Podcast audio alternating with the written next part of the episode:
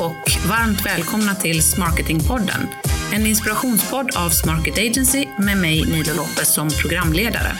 Tillsammans med mina kompetenta och sköna gäster hoppas jag kunna inspirera dig till att nyttja den gemensamma kraften som finns inom sälj och marknad. Det är Growth by Smarketing. Nu kör vi! Yes, och eh, idag har jag en eh, riktigt spännande gäst i form av eh, Adam Holmgren här.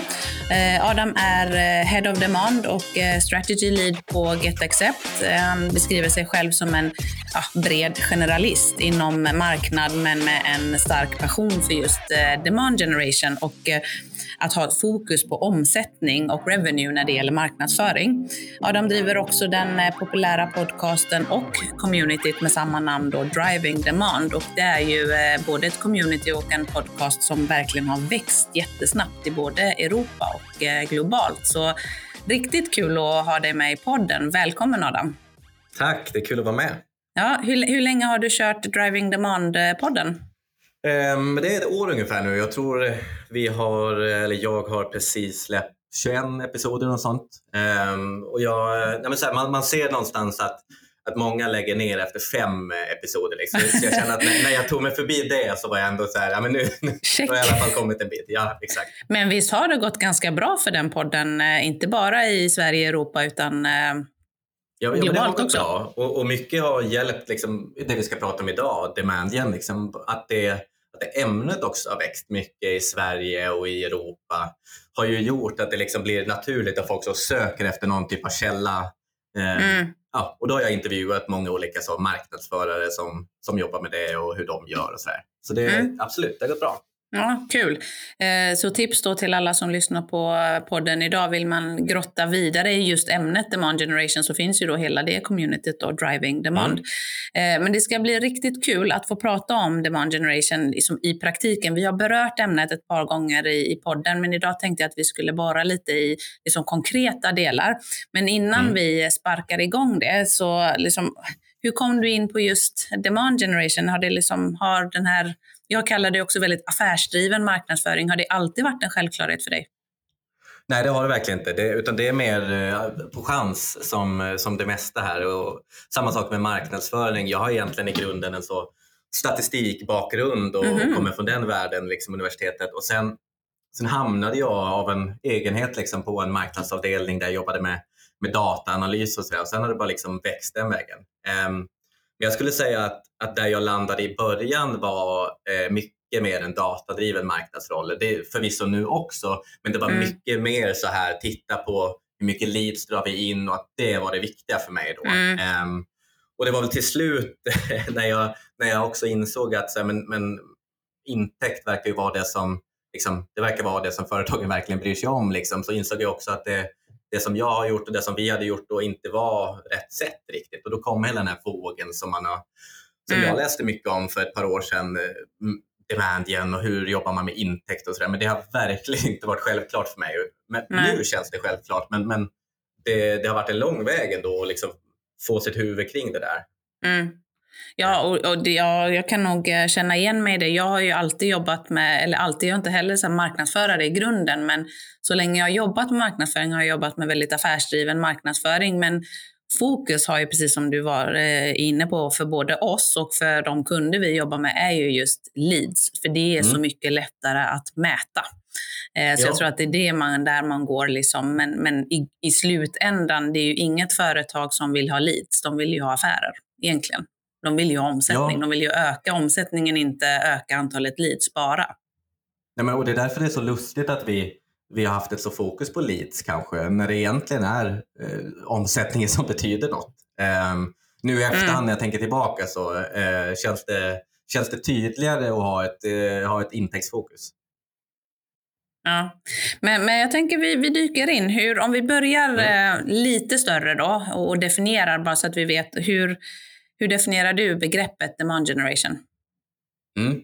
Men, men i, i, stora penseldrag så brukar jag tänka på det som eh, ja, men det, det, är ett sätt att liksom förstå vår målgrupp. Huvudsyftet med vad vi gör är att dela värde med vår målgrupp liksom, på olika sätt. Och Det är ju här man brukar prata om till exempel om man ska ha eh, stängt content eller om man ska öppna upp det till exempel. Det här är ju ofta en förespråkare för att öppna upp sitt content. men vi vill sprida vår, vår kunskap och värde med vår målgrupp så mycket som möjligt liksom, och inte dra in de här tidiga leadsen. Eh, men i slutändan det vi tittar på är ju, är ju intäkt och ARR. Hur mycket kommer från marknad och när vi säger kommer från marknad pratar vi oftast om hemsidan. Liksom. Hur, mycket, mm. hur mycket bidrar hemsidan med i det här eh, läget? Och titta kanske inte så mycket på leads eller MQLs som vi också kallar det, eh, som är ganska vanlig så. Eh, det, är en, det är ett mätetal absolut, men det är ingenting vi tittar eh, superstarkt på, utan mer då gå över till någonting där hur många har räckt upp handen för att prata med en säljare? Det kanske blir liksom huvudmåttet tidigt i resan och sen längre ner blir det såklart eh, hur mycket pipeline, hur mycket intäkt och sådär. Men mm. ofta ställer man, vi kallar ju det här för demand generation, ofta ställer man mot, eh, det mot vad vi kallar då för lead generation som, mm. som man pratar om med det här mer traditionella sättet kanske där vi vi har mål på hur många leads och MQL eller MQLs vi ska dra in den här månaden och då gör vi X-aktiviteter för att göra det. Ehm, mm. Och sen kanske vi inte har haft lika tydligt fokus på intäkt och hur mycket det faktiskt driver. Så en klassisk sån är ju att man, att man har en mängd, liksom 50% plus eller 75% plus av sina leads som kommer från någon typ av stängt content. Det kan vara en e-bok eller det kan vara något mm. annat. Men sen i slutändan när vi kommer ner i säljfannen, då är det liksom inte så mycket som, det händer inte så mycket med det. Eh, och det är väl där vi tror att Eh, den här nya modellen mer jobbar utifrån och vi kanske får in lite färre eh, leads i vår säljfunnel men som är mer kvalificerade så att vi kan liksom, så att inte säljare eller ska behöva jobba med så mycket skit. Är väl en sån klassisk frustration. ja, Men, eh, men du, var lite, du, du var lite inne på det som jag skulle vilja veta hur du tycker, hur är skillnaden då mellan lead generation och demand generation? För du var lite inne på det nu, att egentligen så menar du att när man jobbar med leadgen som strategi, då stannar man vid att vi har skapat leads eller vi har skapat kvalificerade leads på något sätt. Där, ja. tar, eh, där tar marknad slut, eh, marknadsansvar slut. Ja, men lite så. Det känns som en tydligare, det är tydligare så här tar sälj över. Mm. Och demandgen blir lite mer så här, vi hänger med hela vägen och försöker mm. förstå vad som händer. Um, och sen gör man vissa av aktiviteterna i de här kan, kan vara precis samma sak, men det är väl mer approachen till det och hur man mäter. Och ofta tycker jag det handlar om vilka, ofta blir det ju så här, en ledningsgrupp på ett företag eller management och så här, hur, hur tycker de att marknaden ska mätas? För, för vill de mäta leads och så där väldigt tydligt så blir det väldigt svårt att anamma någon typ av strategi där man inte gör det. Verkligen. Um, så det, det, är ju kanske den viktigaste delen här. Och så här, hur får man med sig sin ledningsgrupp i ett sånt här skifte eller vad man nu vill ja. kalla det. Um, Men skulle du säga ja. att, eh, att demand generation och varumärkesbyggande aktiviteter, är det likställt? Är det samma sak? Eller? Jag skulle säga att det är, det är väldigt likställt. Jag skulle säga att var, det är kanske varumärkesbyggande aktiviteter när man knyter det samman med intäkt. Liksom. Uh, yeah. Men annars skulle jag säga att det handlar om mycket, mycket demand handlar ju om hur får vi liksom vårt varumärke att växa och hur gör vi det så att det också kommer in, eh, så att folk kommer till oss? Mm. Ähm, verkligen. Så, så, så man, man tar... ett upphottat namn av eh, varumärkesbyggande. ja. ja. ja, fast också som du säger ett mindset-skifte skulle jag säga. För att en varumärkesbyggande aktivitet skulle ju kunna vara, jag tänker vi ska komma in på vad, vad konkret det kan vara, men varumärkesbyggande skulle ju kunna vara en brandingfilm till exempel, där man berättar om sin story den är ju ganska svår att koppla till direkt intäkt. Så på det sättet så är det ju, om man tänker att en demand generation aktivitet ska ju på något sätt i slutändan kunna gå att koppla till intäkt. Eh, annars är det ju väldigt svårt. Eller så får man bara acceptera att vissa saker går inte att mäta. Men mm, ge mig lite konkreta exempel då på marknadsaktiviteter som du tycker driver efterfrågan och är en del av en demand-strategi. Då. Jag tror att brand, liksom, ja, nu säger jag brand awareness, ibland slänger man sig för mycket engelska termer känner jag. Men mm. varumärkesbyggande, jag tror precis som du säger, det är nog egentligen, mycket av det vi gör i Demandian är ju sådana typer av aktiviteter. Mm. Men med skillnaden att vi verkligen försöker knyta det till intäkt. Mm. Men ibland, då, då, går inte det. Ibland måste vi också bara tro att vi gör rätt saker. Det tror jag också är en mm. så viktig grej. Vi kan mäta, vi ska försöka mäta så mycket som möjligt, men ibland är det också jag tror ändå fortfarande mycket på magkänsla. Liksom. Tror vi ja. att vi gör rätt saker så, så hjälper det också mycket. Mm, jo, men det, det, håller jag med dig om. Eh, Men ska vi gå in på exempel då? Kan du ge några mm. konkreta exempel, marknadsaktiviteter som, eh, som är demanden eller som, som bygger efterfrågan? För det är det vi försöker göra. Mm. Ja, men en klassisk sån här, ofta när vi pratar demand så brukar vi dela in det i två grenar. Liksom. En som är mer där vi pratar create demand, där vi skapar efterfrågan och en där vi pratar mm. capture demand, där vi ändå hämtar in den efterfrågan som finns. Liksom. Och när vi pratar om att skapa efterfrågan, det är då vi vänder oss mycket till de här brandbyggande aktiviteterna. Um, för oss som B2B-bolag har det varit mycket kring social till exempel, kring att vara aktiva på LinkedIn, mm. både organiskt men också betalt. Eh, mm. Hur, och inte i form av att här, dela e-books och få, få folk att liksom signa upp på dem, utan mer så här, hur, hur hittar vi vår målgrupp? Hur delar vi värde med den målgruppen? Och att det är mer de mätetalen vi, vi ser till där. Eh, mm. Verkar de här typen av kampanjerna vi kör på LinkedIn resonera med målgruppen? Och då kan man ha olika mätetal där som kan vara hur många klickar, det säger något om engagemanget, hur många likar, kommenterar, det säger något om engagemanget. Liksom. Mm. Um, men ska, sådana aktiviteter som är mer skapa efterfrågan, de är ju också mycket svårare att mäta. Ja. Um, det är sådana typer av aktiviteter som ofta inte leder till direkta leads eller direkta Nej. möten. Liksom. Men vi tror att i det stora hela så kommer de leda till att folk till slut kommer in och söker efter ett accept. Mm. Um, så det är den långsiktiga Men, delen i uh, Create Demand, det är ju och generellt sett, eh, delen, ja. ja. men, men alltså jag tänker så här, generellt sett, jag brukar raljera och säga att marknadsföring går, kan inte skapa impact på kort sikt. Det är liksom, för vi har, vi, ibland har vi kunder som säger ja, men vi skulle behöva ha x antal leads i Q4 eh, och så kanske vi är precis ja. i slutet av Q3 och det, ja, men det, det går inte. Då får säljarna snällt lyfta lur. Liksom. Eh, ja. så, så det är ju långsiktigt och de delarna är ju också svårare att, att mäta här och nu. Men vad, finns ja, det aktiviteter som går att mäta då? Ja, men och det vi ofta vill se från den här typen av mer långsiktiga eh, aktiviteter, det vi vill se det är ju att fler till exempel söker efter oss på GetAccept mm. som namn, som varumärke. Vi får ju in en jättestor mängd eh, affärer och sånt för folk som söker efter oss eh, på Google eller vad det nu är. Liksom. Mm. Ehm, och då har de ju uppenbarligen hört om oss någonstans. Ehm, Exakt. Ofta är det någon typ av event, eh, social eh, och vi har ett sånt fält som många, många lägger till nu som är så här, vi frågar folk eh, vart de hörde om oss liksom. och där, där får vi ju en sån trendspaning lite kring vad folk tror och tycker att de hörde om oss första gången. Och ofta för oss är det liksom rekommendationer kan det är en stor såklart, men också mm. LinkedIn är en stor för oss. Um, och den typen av kanaler. Så man får, även om man inte får direkt attribuering och ser vart det kommer ifrån, så får man ett hum om vad folk liksom, mm. i det stora hela Um, och, och, det är mycket så vi tänker på den sidan, den kanalen, eller de mm. kanalerna. Um, så, så mycket exakt. social media, mycket eh, Google, alltså sök. Och när det gäller sök, ja, då antar jag att då jobbar ni väldigt mycket med content och att det är den delen som är er att bygga, bygga efterfrågan. Det gör ni genom att skapa relevant innehåll då? Ja, och sök är väl mer så här, det är väl mer när vi tittar på den andra sidan som är mer att hämta in efterfrågan. Där är ju sök kanske vår största kanal. Um, och ofta skulle jag säga, det är ofta ett problem på många bolag att man, man kanske ligger alldeles för tungt på sök för att det finns liksom inte så mycket att hämta in men det är där man fokuserar. Liksom. Mm. Så det gäller att hitta en kombination där. För sök är en väldigt ja, men det är en väldigt direkt kanal. Ofta söker man något, man kommer in på hemsidan mm. och kanske signar upp för någonting direkt. Um, så funkar inte riktigt social. Um, men det, och det är väl lite där vi tror att de feedar in till varandra mycket. Mm. Så hur jobbar ni med social? Då? Är det att bygga ert arbetsgivarvarumärke mm, i kombination med hur ni är att jobba med eller på vilket sätt skapar ni efterfrågan i social? Mm, det, är, det är väl lite både och skulle jag säga, men, men vi vill ju verkligen vara, vi säljer ju framförallt till säljare. Liksom. Så vi, mm. vi vill ju inom B2B, så, så det är där vi framförallt försöker vara experter. Och mycket, mycket i Demandian handlar om så här, men vi, vi vet att en majoritet av de här inte kommer klicka sig vidare till vår sida. Hur kan vi då ge dem så mycket, mycket stoff som möjligt av det här vi vill säga redan i deras feed? Det är så mycket så vi försöker jobba. Mm. Ofta, ofta, längre inlägg, kanske olika typer av karuseller där vi kan få in mycket information. Um, så att man kan liksom konsumera det på plattformen och inte behöver ta sig kanske till vår sida alltid. Um, slutmålet är ju såklart att de ska dit, men, ja. men kanske inte just då.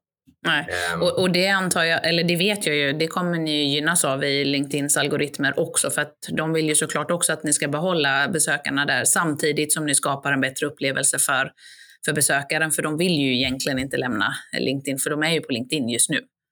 Ja, det vet, ja exakt. Man, och man är ju likadan själv känner jag ofta. Att man, mm. man är där, man läser folks eh, liksom, content som de skriver i feeden. Om jag får en annons sen som inte säger någonting så kommer jag ju förmodligen inte engagera mig så mycket i den. Um, men de, de annonserna som verkar gå bäst på LinkedIn är ju de som ser ut som att eh, det kommer från vem som helst egentligen. Mm. Um, alltså man försöker vara så det ska inte vara så stor skillnad på hur man är organiskt på LinkedIn eller hur man är paid. Det är väl lite det vi försöker förändra. Um, Få det autentiska. Får, ja, att det, för det, det känns som man ofta får den här känslan i paid att det ska vara som en Först är man top funnel, sen blir man middle funnel, sen blir man bottom funnel. Men, men, ja. man är, alltså det är ju lite hipp som happ. Man vet ju aldrig ja. vad, vad en köpare är. Nej, och den är ju inte linjär köpresan. Så de, nej, det kommer nej, ju liksom, det är ju. De kommer ju ja. gå fram och tillbaka. Så det, ja. Eh, jag tänkte på en sak. Du pratade förut om att, eh, att gata content eller inte gata content. Vi pratar nu om marknadsaktiviteter mm. som driver efterfrågan. Eh, och vi har pratat om social, vi har pratat om content och sök såklart. Men vi har ju den stora frågan med gata content, alltså ha formulär eller inte. Och du var inne på mm. i början att jobbar man med demand generation så ska man ju i möjligaste mån öppna upp allt content och erbjuda den utan att ja. eh, ha det bakom formulär. Finns det Dels så tänkte jag, kan du resonera lite kring det och finns det något läge där man faktiskt eh, har eller kan ha formulär? Mm. Ja, men, det här är en sån vattendelare till frågan. Liksom, ja. Folk tycker väldigt olika. Men jag tror att vi, vi, vi angatade allt vårt innehåll på GetAccept ungefär när jag började någonstans där. Vi är ett och ett halvt år sedan. Någonstans mm. där. Innan det så hade vi ganska mycket leads, olika typer av liksom, inkommande som kom via de typerna av kanaler. Så de, den första effekten som händer är att de försvinner direkt. Um, Leadsen ja. Och det, mm. ja, och det kan man ofta, och det är väl då det ofta blir en, det blir en rädsla kring det ofta. Så, men okej, okay, oh, vad gör vi då? då liksom? Oh, vi behöver Exakt. något att jobba på här. Och det är väl lite den man måste komma över. Och, och så som jag ser det, så är det, om vi angatar så får vi ju får vi chansen att få det här framför fler ögon. Liksom, om, vi, mm. om vi gatar det så kommer bara en väldigt, en väldigt liten massa eh, kommer se det här. Mm. Men det finns andra sätt, även om de inte kommer skicka in sina uppgifter direkt finns det andra sätt att nå ut till dem igen. Men till exempel så finns det ju, vi pratar retargeting till exempel på olika plattformar. Eh, vi kan mm. ta de som har liksom läst vårt content eh, och varit inne på den sidan. Liksom, de kanske vi vill fortsätta berätta en story till på olika sociala kanaler. Så det finns, det finns vägar att gå där vi inte måste hämta in informationen. Eh, men sen andra perspektivet är ju om man sätter något bakom, bakom lås till exempel, då, då säger man ju på något sätt att det här är värdefullt kanske lite mer. Mm. Um, och den, den tror jag fortfarande kan vara ganska stark om man gör det, om man har någonting där man har tagit fram något material som är så här, eh, det, det, är en research på något ämne där man är väldigt mm. duktig, man har hämtat in massa, alltså väldigt värdefullt material. Då tror jag ändå att det kan finnas, eh, finnas nytta med det. Mm. Um, för, för, att man sätter ändå ett värde på det då på något sätt som man inte riktigt gör när man öppnar upp allt. Så att säga. Men, men jag tror att man behöver nog ha en majoritet uppblåst för att man ska skapa den här eh, med kredibiliteten också. Att, man, mm. de, att, att de får se att man är en expert utan att de behöver lämna sina uppgifter. Så. Ja, exakt. Nej, men jag tror att du har helt rätt. Vi har också valt att eh, öppna upp allt vårt eh, innehåll och det gjorde vi alldeles i början så hade vi mycket formulär för man kommer ju från den världen och det är ju som ja. du säger, jag menar hela inbound världen präntade ju in att vi skulle ha formulär, men det blev ju att man satte formulär på ett kundcase till exempel. Varför ja, ska man sätta exakt, formulär på det? Det är ju bara du som har nytta av att berätta för en potentiell kund hur du har jobbat med en annan. Så att det, men jag känner igen det där, så rädslan i att fan, nu kommer det ju inga leads. Hur Nej. jobbar vi med det då? Det, det, kan ju vara webbinar eller det kan vara något jättestarkt content som man ändå är beredd att dela. Och vi har till exempel mycket mallar på sajten som fortfarande laddas ner. Allting är öppet och man kan egentligen jobba med det, men vill du ha eh, en färdig mall så kan de ladda ner det och de laddas fortfarande ändå ner. Så finns det ja, intresse så gör de det. Ja, Nej, och jag, någonting som jag har lärt mig nu när vi, vi har på något sätt gjort den här resan nu på Get Accept de senaste ett och ett halvt åren. Något, något som jag har lärt mig under den här tiden är att så, eh, vi har ju många olika källor av folk som kommer inbound. Liksom. Och det vi mm. kallar då för, för mer high intent eh, leads är ju sådana som ber om en demo eller ber om att få prata med sälj. Det, det är ju den typen av vi verkligen vill ha liksom, såklart. Mm. Um, och nu när vi har gått med ett skifte mot det här, mot att ge värde, mot att öppna upp, ja, men då har ju våra totala MQL som vi kallar det gått ner ofantligt mycket. Mm. Men, men av de här kvaliteten. mer high intent, kvaliteten, den, den är stadig och går till och med upp. Så då har mm. vi ju liksom, då känner jag att då har vi ändå lyckats med någonting. Liksom.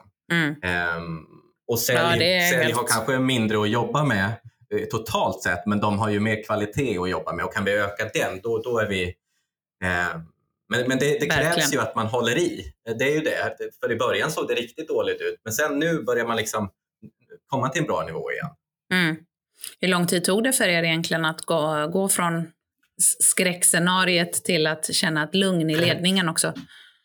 Um, ja, och det är väl det. Det var också en stor anledning till att jag gick till Get Accept var för att marknad har har liksom alltid fått en betydande roll här. För det har jag upplevt på många bolag att det inte alltid varit eh, sant. Liksom. Vi, jag tror det är någonstans 15 procent kanske av bolaget här som är marknad. Så det har ändå varit en stor, eh, stor del. Jag har varit mm. på många bolag där det är väldigt få procent som är marknad. Så. Så, så, så, jag kände att det fanns en, det fanns en väldigt stor vilja och, och, och sådär. Eh, vilket har hjälpt mycket mer. Jag skulle säga att det har tagit till, liksom, tagit till nu när vi verkligen har kommit på en bra plats igen. Men, men det har och det har varit, det, det har varit kämpigt eh, stundtals. Mm. vad pratar vi om? Hur lång tid är det? Ett, men, men ett år, ett och ett halvt ett år, år. Mm. Mm. Eh, och det, det, tror jag är eh. helt rimligt. Eh, och, och egentligen i ärlighetens namn om man tänker även lead generation strategi. Vi får ju ofta frågan i början när vi börjar jobba med kunder om man ska införa inbound som modell till exempel. Ja, hur lång tid tar mm. det innan vi börjar få leads? Eh, mm och jag, ja, hur långt är ett snöre? Men jag brukar säga att det, du kan inte räkna med det innan sex månader egentligen. Jag skulle säga Nej. sex månader och uppåt. Eh, då får man ju en liten skräckblandad eh, förtjusning från kunden när de tycker att fan, jag trodde det här skulle gå mycket snabbare. Det gör ju inte det. Det är klart det finns lågt hängande frukt och det går säkert att trycka in, som du var inne på, skitleads, mm. eh, rent ut sagt. Men det kommer ju inte skapa någon bättre stämning mellan sälj och marknad egentligen om man bara trycker in leads för att skapa leads. Nej, och det märker man ju om man tittar på, det var någonting vi gjorde väldigt tidigt i den här resan, var att vi tittade på, vi har våra säljfunnels eller marknadsfunnels vad vi nu kallar det, men vi delade upp dem på men de som har bett om att få en demo, bett om att träffa våra säljare på en, eh, liksom, en sida och på andra mm. sidan så la vi kanske de mindre kvalitativa eh, källorna som kanske var mer än eh, de ville testa produkten eller de ville ladda hem en e-bok på den tiden. Liksom. Mm. Och då såg vi så väldigt tydligt att men här får vi ju in en eh, väldigt stor volym men det kommer ut väldigt lite i botten här som är intäkt. Just det. Och i den andra så får vi in väldigt alltså mycket mindre volym, men vi har ju en väldigt större utväxling på intäkt. Och det var också det som gjorde, tror jag, att, att det blev ett sånt um, det blir så tydligt att om vi, for, ja. liksom, om vi fortsätter på den här vänstra sidan som är mer Lidjan, ja, men det, det ger liksom inget. Det ser ut som att det ger mycket, men i slutändan så kommer det liksom inte ut någonting. Nej. Så det och tror då jag gjorde att management blev väldigt ja. Fattar det. Och var ska man lägga sin tid? För ja, men alla har ändå ja. åtta timmar på sin arbetsdag. Vart ska ja. man lägga den tiden? Ja, men den, det är superintressant. Men kan du beskriva lite, om du, när ni planerar en, en demand kampanj till exempel, hur, hur tänker ni? Mm. Ja, men vi, vi brukar dela upp våra eh, kampanjer. Vi, vi kallar, det ena kallar vi för Always On och det är saker som vi egentligen kör hela tiden. Liksom. Eh, som vi förvisso byter ut ibland, men det är väl mer så våra, vår huvudstory och, och, liksom, mm. och sådana delar. Och sen mer kampanjtänk där vi mer försöker vara relevanta i nuet.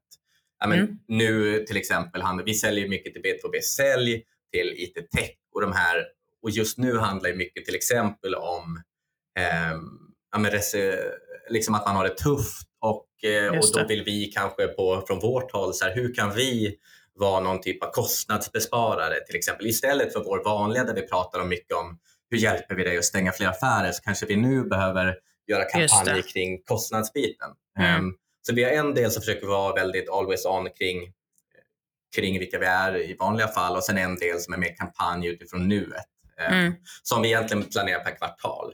Um, så vi försöker lansera någon typ av större kampanj om du säger per kvartal, för det, mm. det är vad vi känner att vi, vi mäktar med så att säga och, och producera och sådär. Um, och jag skulle säga att vår huvudsakliga kanal för den här typen av kampanjen är LinkedIn. Vi lägger mm. otroligt mycket kraft och, och pengar på LinkedIn. Um, mycket för att det är, alltså det är där i mångt och mycket våra, eh, vår målgrupp finns. De finns såklart på många andra sociala kanaler också. Men, men den är starkast för er? Liksom. Den är starkast. Liksom. Mm. Och, och jag, också, jag, tror också mycket på det här och, och liksom satsa på få kanaler men göra det riktigt bra än att mm. vara för spridd. Jag har, mycket, ja. jag har ofta varit spridd i mitt, eh, mitt marknadsliv så jag försöker mm. liksom, eh, vara lite tydligare. Så LinkedIn har varit en stor eh, det, LinkedIn och Google Ads är våra stora. Liksom. Men Google mm. Ads är också mer i vår always on-tänk så att säga. Um, men på LinkedIn i alla fall, så det är där vi sätter oss ner och planerar, um, planerar mm. vad, vi, vad vi ska få ut. Och ofta, är det, ofta delar vi upp det. Det kan vara antingen så är det en brand awareness-kampanj som vi pratade om innan. Då är kanske inte huvudsyftet att knyta aktiviteten till intäkt just nu. Nej. Utan huvudsyftet mer kanske är, ofta gör vi det på säg, nyare marknader till exempel, där vi inte är så kända. Um, och då vill ni placera är... loggan liksom framför ögonen på fler potentiella köpare? Exakt, exakt så. Och bara se till att vi finns där. Liksom. Um, eller så är det mer av en performancekampanj och då vill vi ju verkligen, kanske inte att de utif alltså ifrån kampanjen ska signa upp för en demo eller något liknande, men att den ska generera de resultaten. Just det, um, och det är då vi tittar mycket på, på den här typen av hur ser det ut med folk som söker efter vårt brand till exempel. Det är en väldigt stor del för oss. Mm. Um, för där vet vi att vi får in mycket affärer. Um, och vi, har, vi har gjort tester, för den är väldigt svår att, att veta vilken kampanj var det då som, som gjorde att, att det blev så. Men vi har gjort tester där vi får stängt av LinkedIn till exempel, som är en stor kanal för oss, på en marknad bara för att se ja, men vad händer då. Kan vi se att det går ner då? Ja, ja men det kan vi se. Mm. Um, för då, då säger det ändå något om vår tes liksom, i huvudet. Ja, okay. Um, för det var, det. det. var min nästa fråga. Liksom, kan, vet, vad har fungerat bra respektive inte bra? Så då, då vet du till exempel att LinkedIn är en kanal som har fungerat bra, för det har ni testat er fram. Ja, och det har vi testat oss fram och vi har, liksom, vi har, gjort, vi har varit på väldigt många olika sätt på LinkedIn, men vi, vi tenderar att dela upp det i två delar. Vi har en del som vi kallar för vår liksom, kalla målgrupp, den som, de som förmodligen inte känner till oss. Eh, mm. Där har vi ju ett visst antal kampanjer och sen har vi vår målgrupp som vi med, liksom är mer retargeting. Eh, som, som också jag tror att många företag faktiskt inte utnyttjar så mycket. För Det är väldigt, det är väldigt kraftfullt. Där man liksom, ja, men de har redan en bild av oss som brand. Hur kan vi då bygga vidare på den? Och där är det mycket kring hur, hur, kan vi visa upp våra kunder? Hur kan vi bygga, bygga tillit på det sättet? Um, mm. Så Det har vi jobbat jättemycket nu skulle jag säga det senaste halvåret kanske på just den här retargeting-sidan. Retargeting. Vi har mm. så många som kommer till vår sida men som inte gör något. Hur kan vi liksom bygga vidare på det? Mm. Um, det tror jag du har helt rätt Jag tror att det är en väldigt bortglömd eh, kanal. Jag tror att man är lite förstörd ifrån B2C-tänket att eh, retargeting ja. innebär så fort du har sökt på någonting så får du det i ansiktet på vilken kanal du än går. Och det är kanske retargeting done eh, bad eller så, men ja, får du en story eh, baserat på den sidan du faktiskt har varit inne på och ändå visat ett intresse. Jag tror att det är en outnyttjad kanal, precis som du är inne på, om man gör det på ja. rätt sätt. Jag känner som man ser det så här, ja men jag har varit inne på ett par skor och så får jag se den annonsen i 180 eh, dagar. liksom, då är det klart att det kan man ju lacka ur på, det fattar jag ja, också. Exakt, så jag tror att det är det som många tänker på när man säger retargeting. Eh, och att man ja, kanske inte tänker på den kraften som ändå finns i att fortsätta resan med någon som ändå har visat någon form av intresse. Det kan ju ha hänt tusen saker som har gjort att de har lämnat sajten när de ändå väl har kommit till oss ja, ska, man, ska man ta något som har funkat kanske bäst för oss så är det sådana här, det är typer av kampanjer och annonser när vi sitter nere i en soffa superenkelt och pratar kring ett ämne. Liksom. Mm. Speciellt mm. i targeting när vi kan prata lite djupare om ett ämne.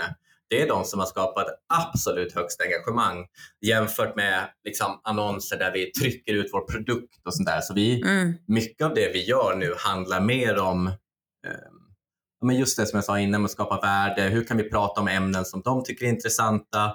Inte mm. liksom hålla på och trycka ut vår produkt i alla kanaler utan mer prata om med problemen kanske och, mm. och, och så här, Men det kräver, ju, det kräver ju att man har koll på sitt värdebudskap och det tror jag inte Ja, väldigt ja, det gör all, det. alla har. Liksom, vad är det för, för när man frågar så här, vad skapar ni för värde ibland till kunder så räknar de upp alla funktioner som finns i systemet och det är ju inte värdet som man skapar utan vad innebär det för säljaren då som använder GetAccept i det här fallet? Ja. Vad, vad får den personen ut för värde?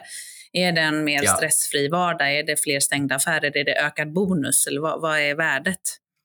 Nej, och det var jättetacksamt för mig när jag kom in här. Då hade de gjort ett men jag vet inte, ett hundra timmar långt sånt här persona-projekt där de hade det. intervjuat kunder och prospekt och ja, men så här, verkligen gått ner på djupet i vad som eh, ja, men både vad de, vad de triggas av men också vad de stora problemen är. Så det Mm. var ju jättenyttig information för mig Ja, att ha. Det fattar jag Eh, verkligen. För det känner jag också som du säger, sånt som ofta glöms bort, att man inte Mm. riktigt vet. ehm, vad, vad, hur, vad, vad är det för problem man löser egentligen? Nej, precis. Ehm, Nej, det, det är jätte, jätte värdefullt att stanna upp och reflektera kring det. Men ska vi gå in lite på mätetalen? Du har snuddat vid det Mm. ett par gånger. H- Men hur, hur ja, ge mig lite exempel på mätetal. För jag, vet, jag höll ett webbinar för ett tag sedan och det var kanske den, den frågan som dök upp flest gånger, både under webbinariet och efteråt. Liksom, hur mäter man demand generation? Mm. Jag skulle säga att vi har, eh, dels har vi ju vår marknadsfunnel eller säljfunnel vad vi, vi kallar det. Och genom den så mäter vi ju ett par olika saker. Först var det som jag sa innan var det vi kallar för high intent MQLs. Det är ju egentligen folk som har bett om en demo eller folk som har bett om att prata med sälj. De som verkligen har sagt att de är intresserade här och nu. Så ni är separerar liksom leadsen i ert eh, CRM och MA liksom kring ja, vad de faktiskt har gjort. Inte bara att de har gjort någonting, utan vad de har gjort. Exakt. Och det, det är verkligen vår, en av våra viktigaste mätetal skulle jag säga. Och en High av de intent. grejerna, Mm. ja, och en av de grejerna som vi verkligen vill, vill öka. Mm. Ehm, eh, och vi ser ju att det är ju en så stor skillnad på vad som händer med dem och vad som händer med en sign-up till exempel. Som Just det. kastar produkten. Mm. Eh, så det är ett av de första. Sen tittar vi vidare på, okay, från dem, hur många möten skapas. Mm. Eh, också superviktigt såklart. Eh, var de här ens kvalitativa? Vi kan ju säga att från high intent så är det ju, då är det ju liksom över 80% som går vidare till nästa steg. Men på, på, på vissa andra källor så är det ju väldigt mycket lägre. Så Mm. det är också där också anledningen till att vi vill öka den såklart. Mm. Ehm, så vi kollar på möten, vi kallar det för deals. Ehm, och sen tittar vi på vilken pipeline har vi skapat. Det är oftast, sälj tittar ju mycket på pipeline, så hur mycket sälj pipe har vi nu här inför? Och vi tittar då på hur stor är den delen som kommer från marknad. Mycket Mm. också för just det här sälj och marknadssamarbetet. Ja men okej, vi vill ändå stå för en 50-60 procent kanske av, av, sälj, av den totala Ja, så, pipen. så pass mycket har ni som, eh, som mål då, att marknaden ska stå för 50-60 procent av eh, dealsen som kommer upp i pipen. Mm, det är en bra siffra. Ehm, och det, det gör ju också att man får så tydlig... Eh, om vi inte kan stå för det här, men då måste de kanske hjälpa till mer och vice versa. Och Mm. Man får bra sån, sånt utbyte tycker jag. Mm. Eh, och slutligen då så intäkt såklart, men, men det är ju senare skede. Mm.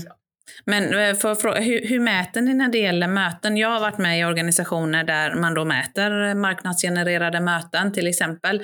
Eh, och där det ibland kan då bli en konflikt istället mellan sälj och marknad. Liksom, ja, men, nej, men det här mötet, jag hade ju en relation med den kunden sedan flera månader tillbaks. nej, men hon var med på webbinariet, det var det. Bryr ni er om sånt eller mäter ni totalen och tittar på vad som har hänt? Vi Alltså, mäter totalen och vi har egentligen samma, samma mätetal. Ofta har vi satt faktiskt nu så här veckomätetal. Så här, så här många deals som vi kallar det ska vi dra in ehm, liksom på veckobasis. sälj Totalt sälj och marknad. Eh, Det tror jag är en viktig skillnad. Ja, jag tror det också. För, för Eh, annars, så bygger man in en, ja, annars bygger man in, en helt onödig konflikt. Men det var ju bra. Så, så mät möten, men mät dem gemensamt då på, på sälj och marknad som team. Ja, och det är som du säger, ofta har ju sälj någon typ av incitamentsmodell såklart på outbound och de bitarna. Men om vi har Precis. totalen så blir det ju, då, då hänger det ihop mer på Ja, sätt. exakt. Ehm, Så, och, och det är ju de, de tydliga mätetalen vi har. Men sen så, som jag sa innan så tittar vi också mycket på, på brandsidan. Men det, det, Mm. är lite, det lägger vi lite på sidan av så att säga. Det här är den tydliga liksom, intäktsdelen vi mäter. Mm. Och sen brand så har vi också tagit fram så vad, vad, hur kan vi se att vårt varumärke växer. Då finns Ja. det ju massa så olika och vi har valt att ta det väldigt så. Låt oss göra det så enkelt som möjligt så att vi kan titta på det Eh, så att vi gör det helt enkelt. Och vi har valt att titta då på, som jag sa innan, eh, hur många som söker på vårt varumärke, då både via betald sök och organiskt sök. Och sen har vi valt att titta på direkttrafik. Många, många hemsidor har ju en, en stor del av trafiken som är direkttrafik som mm. egentligen bara är att folk har liksom skrivit i det i, i browsern eller någonting. Just det. Som är väldigt så här, eh, ofta om man kommer in den vägen så har man ju hört om det här bolaget någon gång innan. Exakt. Ehm, mm. Och därför liksom hänvisar vi det till brand. Så de två delarna tittar vi på trafiken framför allt ifrån. Liksom ser vi att den växer eh, över tid, ja, men då tror vi också att vårt varumärke växer. Mm. Um, och så gör vi det per marknad såklart. För i Sverige vi har vi såklart ett mycket starkare varumärke än vad vi har i UK till exempel. Just det. Mm. Um, det, det, tror jag var, var bra tips. För just det här luddiga i varumärkesbyggande och att veta liksom konkret vad ska vi mäta. Det där var två väldigt bra. Eh, att söka på varumärket och direkttrafik. Mm. Och sen kanske också landa i det som du var inne på tidigare, att allting går inte heller att mäta och Nej. det kan vara okej. Okay. Ja, exakt. Och det är väl lite det vi, har, vi vill hitta. Så låt oss bara hitta något mättal som vi tror på, som vi också kommer att ha tid att följa upp här nu ja, framöver. Exakt. Eh, för det känns som man, ibland grottar man in sig, jag vet i alla fall att jag gör det, i för svåra mätetal som blir vilket slutar med att man då aldrig egentligen tittar på det. Mm. Um, vi använder ju HubSpot som CRM till exempel, så vi mm. har ju allt vårt där inne i olika dashboards. Så mm, det blir väldigt enkelt att titta på på en daglig eller veckobasis, vad man nu väljer att göra. Mm. Ja, men snyggt. Um, vad, vad skulle du säga behövs för kompetenser i ett eh, Demangen-team? Hur har du tänkt när du har byggt teamet?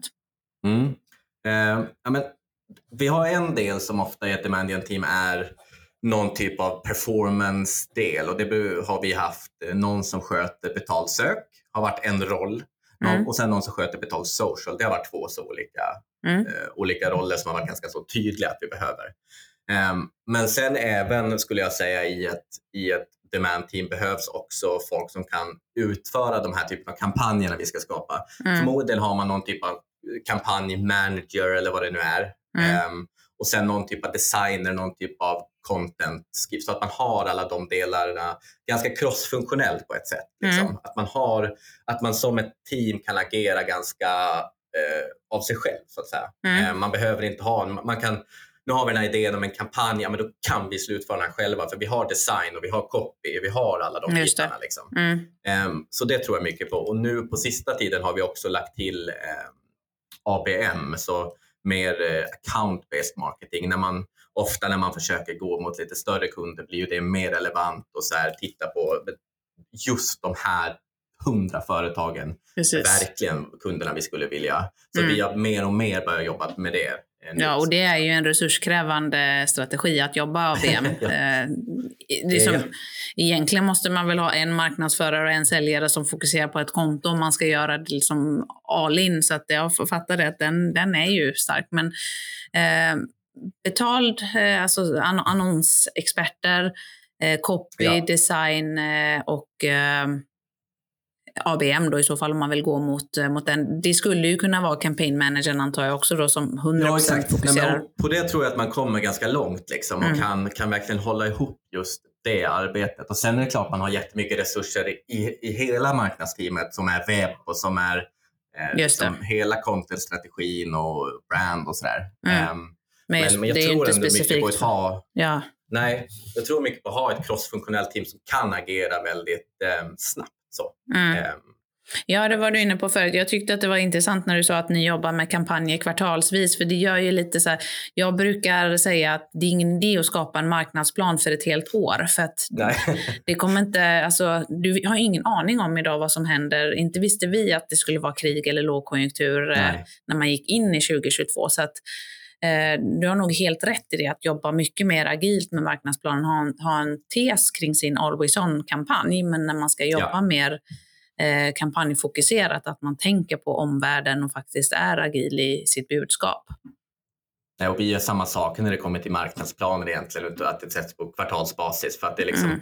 Vi har också insett att det aldrig håller om vi sätter det längre Nej. ändå, så då känns det, känns det onödigt. Ja, men exakt. Ja, men snyggt. Eh, Adam, skulle du kunna ta och summera då? Vi brukar summera i våra tre, eller dina tre eh, diamanter för de som vill satsa mm. på eh, Demandgen nu då och tänker att det här känns eh, som en vettig strategi framåt. Ge oss dina tre diamanter. Mm. Ja, men den första delen som jag tycker att alla kan göra eh, direkt egentligen är just den här med att göra olika funnels. Man tittar på det, det vill säga olika typer av action som någon har tagit på hemsidan. Egentligen. Och jag pratade innan om high intent, de här som eh, bett om en demo eller bett om att bli kontaktade av säljare eh, mm. versus allt annat som kanske är en e-bok eller som är någonting. Dela upp dem i liksom hela säljfunnel från lead hela vägen ner till intäkt. Gör den övningen. Jag tror att det är väldigt nyttigt för då kommer man förmodligen se liknande saker som vi såg.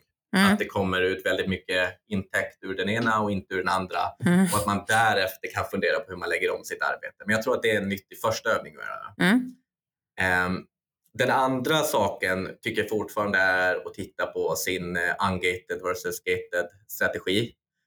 Um, man kan ha absolut, det är inget fel med att ha ha någonting gatat, det, det, tror jag verkligen inte. Men, men, kanske den övergripande mängden av content man tar fram. Många bolag är väldigt bra på att ta fram content, men det blir ju svårt att distribuera det om det är stängt. Absolut. Um, och jag tror att om man vill landa i det här så behöver man hitta ett sätt att öppna upp så mycket som möjligt och verkligen få ut det på olika, ja, det tror jag också. Um, olika plattformar. Och sen tror jag mycket i, i grunden, det sista egentligen är att hitta gemensamma mätetal med sälj. Men som vi har gemensamma veckomål på möten till exempel. Är en sån. Men det, det blir sån himla tydlighet i, i arbetet. Och mm. Båda jobbar mot samma sak. Det blir inte den här friktionen som det jättevanligt blir ju. Verkligen. Um, ja, ha samma kopior egentligen. För om man har en med intäktsdriven marknadsmodell så ha, kan man ju ha det. Absolut. Um, helt enkelt. Men jag tror nyckeln det, ligger i det, det, du är inne på, att de är gemensamma. Att det handlar inte om att marknad ska skapa tre och sälj ska skapa tre, utan vi ska Nej. skapa sex stycken tillsammans. Ena veckan kanske sälj skapar fem och marknad ett möte och andra ja. veckan eh, är det tre, tre. Så att, det spelar ingen roll att vi som team, så, så det, det tror jag är en nyckel. Mm. Snyggt! Riktigt eh, bra diamanter och tack för mm. ett eh, fantastiskt samtal kring just eh, demand generation. Det här lär vi få återkomma till. Eh, men jag mm. tänkte innan jag släpper det så ska du få tre stycken snabba frågor som du inte är beredd på. Mm. Så nu är det bara, bara att svara med magkänslan då. Du sa ju att du ändå tror på magkänslan. ja, jag tror ändå på det. Mm. ja, men okej. Eh, tidig morgon eller sen kväll? Sen kväll. Sen kväll. Mm, kvällsmänniska. Mm. Härligt. Jag är varken tidig morgon eller sen kväll, så jag vet inte vad, jag är trött överallt. du mellanting. Eh, en bra bok eller en bra podd? Um, oh, det, oh, den är ju klurig. Nu måste jag mm. nästan säga en bra podd. Men, jag, men jag, innan jag blev förälder så tyckte jag en bra bok är väldigt härligt. Mm. Sen dess har inte varit så mycket. Sen dess har poddar varit mer tillgängligt. det är lättare att lyssna på, ja exakt. nu kommer du få svårt då, men, och du kan, mm. behöver inte svara, men sälj eller marknad? Nej, men jag, jag är ju en marknadspatriot så jag, jag måste ju säga marknad här. Och så kastar vi in då affärsdriven marknad så blir det lite ja, av varje. Såklart, exakt, exakt. ja, men vad bra. Stort tack Adam för att du var med i Smarketingpodden. Eh, tack så jättemycket. Ja, tack och, själv. Vad kul. Tack till dig som lyssnade. Vill du eh, ha mer inspiration kring sälj och marknad, in och följ Smarketingpodden där poddar finns. Eh, och skicka gärna ett mejl till oss på hej.smarketagency.se om du har något speciellt ämne eller en gäst som du tycker att vi ska bjuda in. Ha det gott, vi hörs. Hej!